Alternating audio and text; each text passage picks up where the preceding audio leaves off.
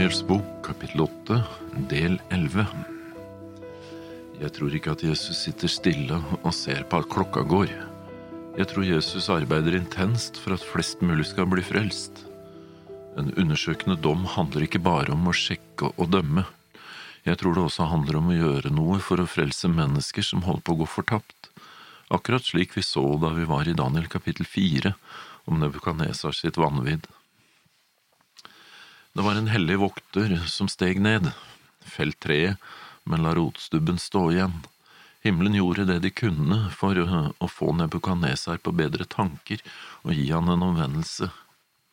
Å være Jesus-fokusert handler ikke bare om å snakke om Jesus og om hans kjærlighet, men også å lytte til det Jesus sier, og gjøre det han ber oss om.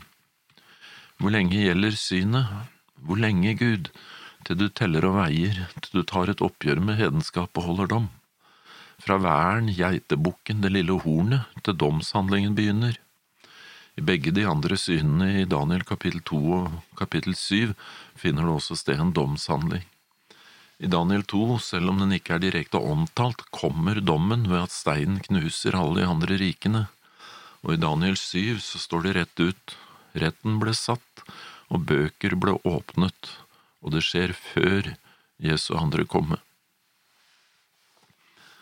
Mange liker ikke å, snakke om dommen, de er redd for den, men vet du, jeg er glad for den, ikke fordi jeg føler meg fullkommen, ikke fordi at jeg heller ønsker at det, de ugudelige skal bli utslettet, men fordi jeg tjener en Gud som kommer til å demonstrere for oss Guds kjærlighet og Hans rettferdighet. Les Salmenes eh, bok. Han ser fram til dommen. Salmenes bok kapittel 94 og vers 15, for dommen skal vendes til rettferdighet, og alle de oppriktige av hjerte skal gi den medhold. Så la den komme Gud er ikke en despot som dømmer tilfeldig og som tar hele rettsoppgjøret uten at noen andre får innsikt i hva som skjer, og hva som er grunnlaget for den dom som han feller. Derfor fører han en åpen eh, rettsprosess. Hele skapningen får innsikt i dommen. Vi tror at det er vi som står i sentrum ofte, og at det er vi som er hovedanklagene i dommen. Vi er ganske så selvopptatte Dersom du studerer Bibelen din, så vil du se at det egentlig er Gud som står anklaget, og at det er Satan som anklager ham. I dommen vil det bli åpenbart om Satans anklager mot Gud er sanne eller ikke. Hvordan Gud har behandlet sine skapninger, både Satan og de falne englene, men også alle de dødelige menneskene. Dommen vil enten rettferdiggjøre Gud eller dømme han skyldig.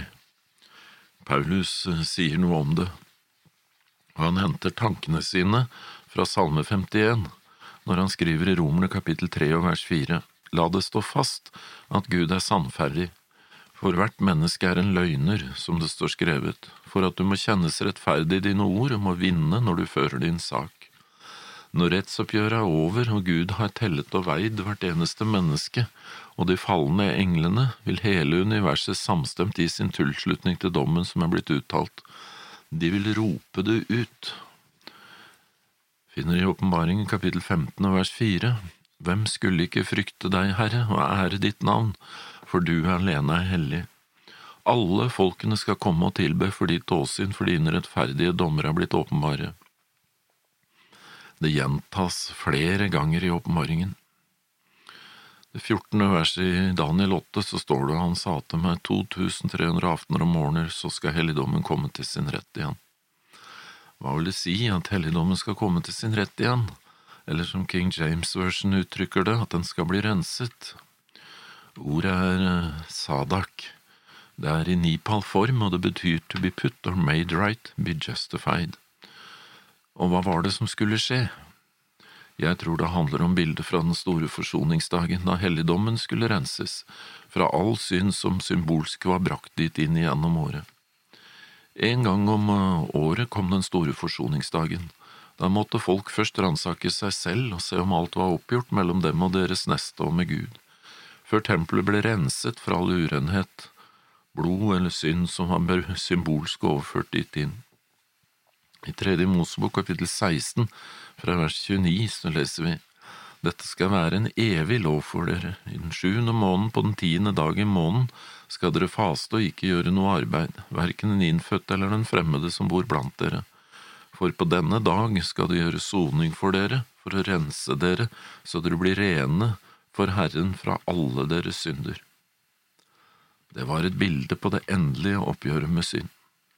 To geitebukker ble ført fram, det ble kastet lodd, én var for Herren og én for Asasel. Den bukken som var for Herren, ble slaktet som et syndoffer for folket, og presten tok med seg blodet innenfor forhenget og stenket det på soningsstedet. I vers 16 så står det slik skal han gjøre soning for helligdommen og rense den for Israels barns urenhet og for alle deres overtredelser som de har forsyndet seg med. Likeså skal han gjøre med sammenkomstens telt som er reist midt iblant dem i deres urenhet. Og fra vers 20, når han nå har fullført soningen for helligdommen og for sammenkomstens telt og for alteret, da skal han føre fram den levende bukken og Aron skal legge begge sine hender på den levende bukkens hode og bekjenne over den alle Israels barns misgjerninger og alle deres overtredelser og alle deres synder. Han skal legge dem på bukkens hode og sende den ut i ørkenen med en mann som står ferdig, og bukken skal bære alle deres misgjerninger med seg ut i villmarken, så skal han slippe bukken løs i ørkenen. Det var jo et bilde på Satan, som måtte bære den synd han selv var ansvarlig for. Den store soningsdagen er derfor et bilde på det endelige oppgjøret med synd. Hvor lenge, Gud, til du tar et oppgjør med det stadige og det ødeleggende frafall, at både helligdom og hær overgis til å bli tråkket ned. Og han sa til meg, 2300 aftener og morgener, så skal helligdommen komme til sin rett igjen, eller bli renset. Vi får ikke noe her i kapittel åtte som gjør at vi kan regne på når de 2300 dagene ender og dommen begynner det kommer først i kapittel ni, som vi skal begynne på neste gang. Helt til slutt her skal vi bare få med oss litt mer av det Gabriel sier i sin forklaring her i slutten av kapittel åtte. Vers 23 I den siste tid av deres herredømme, når overtrederne har fylt sine synders mål, skal det stå fram en konge med frekt ansikt og kyndig onde råd. Så hva vil det si, et frekt ansikt? I andre Mosbok kapittel 19 og vers 18 så leser vi Hele Sinai bjerg sto i røk fordi Herren var steget ned på det i ild. Røken steg opp som om en smelteovn og hele fjellet skalv. Det Herren hadde gjort var å vise sitt ansikt. Bokstavelig så står det hele Sinai bjerg sto i røk fordi vist seg sitt ansikt Herren. Det Herren hadde vist, var hvem, som, hvem han var han hadde vist dem sin renhet. Han var som en fortærende ild, og det de så, det var jo de ti bud, som jo egentlig er et bilde av Guds karakter. I Første Mosebok 31,5 så står det, og han sa til meg, Jeg ser av deres fars ansikt han ikke er som før mot meg. Et hårdt ansikt, det hedenske Rom viste virkelig sitt ansikt, de hadde en nådeløst fremferd, de åt og knuste slik som vi har lest i profetien i Daniels bok. Så Rom kom Rom religiøst, og de forfulgte også Guds menn. De hadde også et hardt ansikt, kyndig onde råd. I vers 24 så sier Gabriel at hans makt skal bli stor, men ikke ved hans egen kraft. Det ligger med andre ord mer enn menneskelig kraft bak. Han skal gjøre fryktelig stor skade av fremgang med alt han foretar seg, mektige fyrster og det hellige folk skal han ødelegge. Rom gjorde fryktelig stor skade.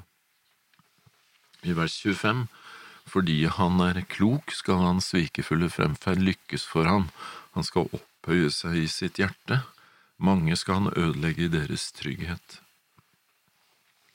I åpenbaringen kapittel 13 og vers 2 så omtales dyret fra havet, og jeg tror det er den samme makten, for bildene som blir brukt der, er hentet fra Daniels bok i kapittel syv. Dyret som jeg så, lignet en leopard. Det var jo det tredje dyret, det, i Daniel syv. Dyret fra havet hadde tatt opp i seg gresk filosofi, og det hadde føtter som en bjørn, det var jo det andre dyret i Daniel syv. Fra mederne hadde de tatt med seg uforanderlighet og det å bygge på tradisjonen Og munnen var som munnen på en løve, det var jo det første dyret i Daniel 7. Fra Babylon hadde det tatt med seg opprøret i forhold til det Gud hadde sagt. Og det er jo egentlig hedenskap i essens. Og dragen ga det sin kraft og sin trone og stor makt, det er med andre ord han som står bak.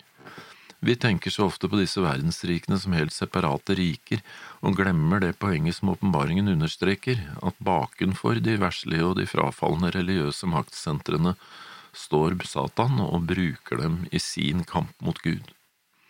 Så ikke døm de menneskene som er involvert så hardt, be for dem isteden. Det var det Jesus gjorde på korset.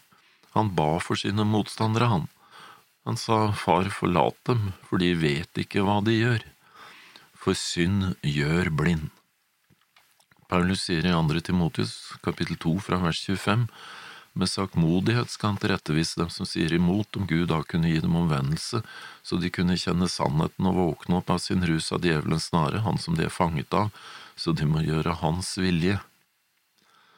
Vi må ta oss i vare for et falskt evangelium som bringer samvittigheten til ro ved ritualer og sakramenter, uten at det er noen legedom for synden og at Guds kraft kan få bo i hjertet.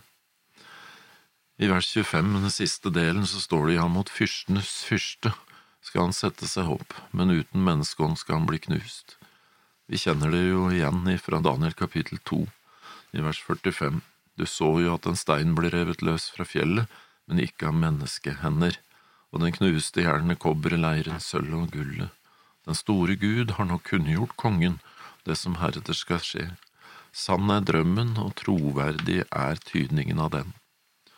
Daniel får så beskjed i vers 26 og 27. Syn om aftener og morgener som det er tale om, er sannhet, men gjem du synet, for du sikter til en fjern framtid. Men jeg, Daniel, ble rent avmektig, og jeg ble syk i mange dager. Så sto jeg opp og gjorde min tjeneste hos kongen. Jeg var forferdet over synet, men det var ingen som forsto det. Neste gang så skal vi gå i gang med kapittel ni i Daniels bok.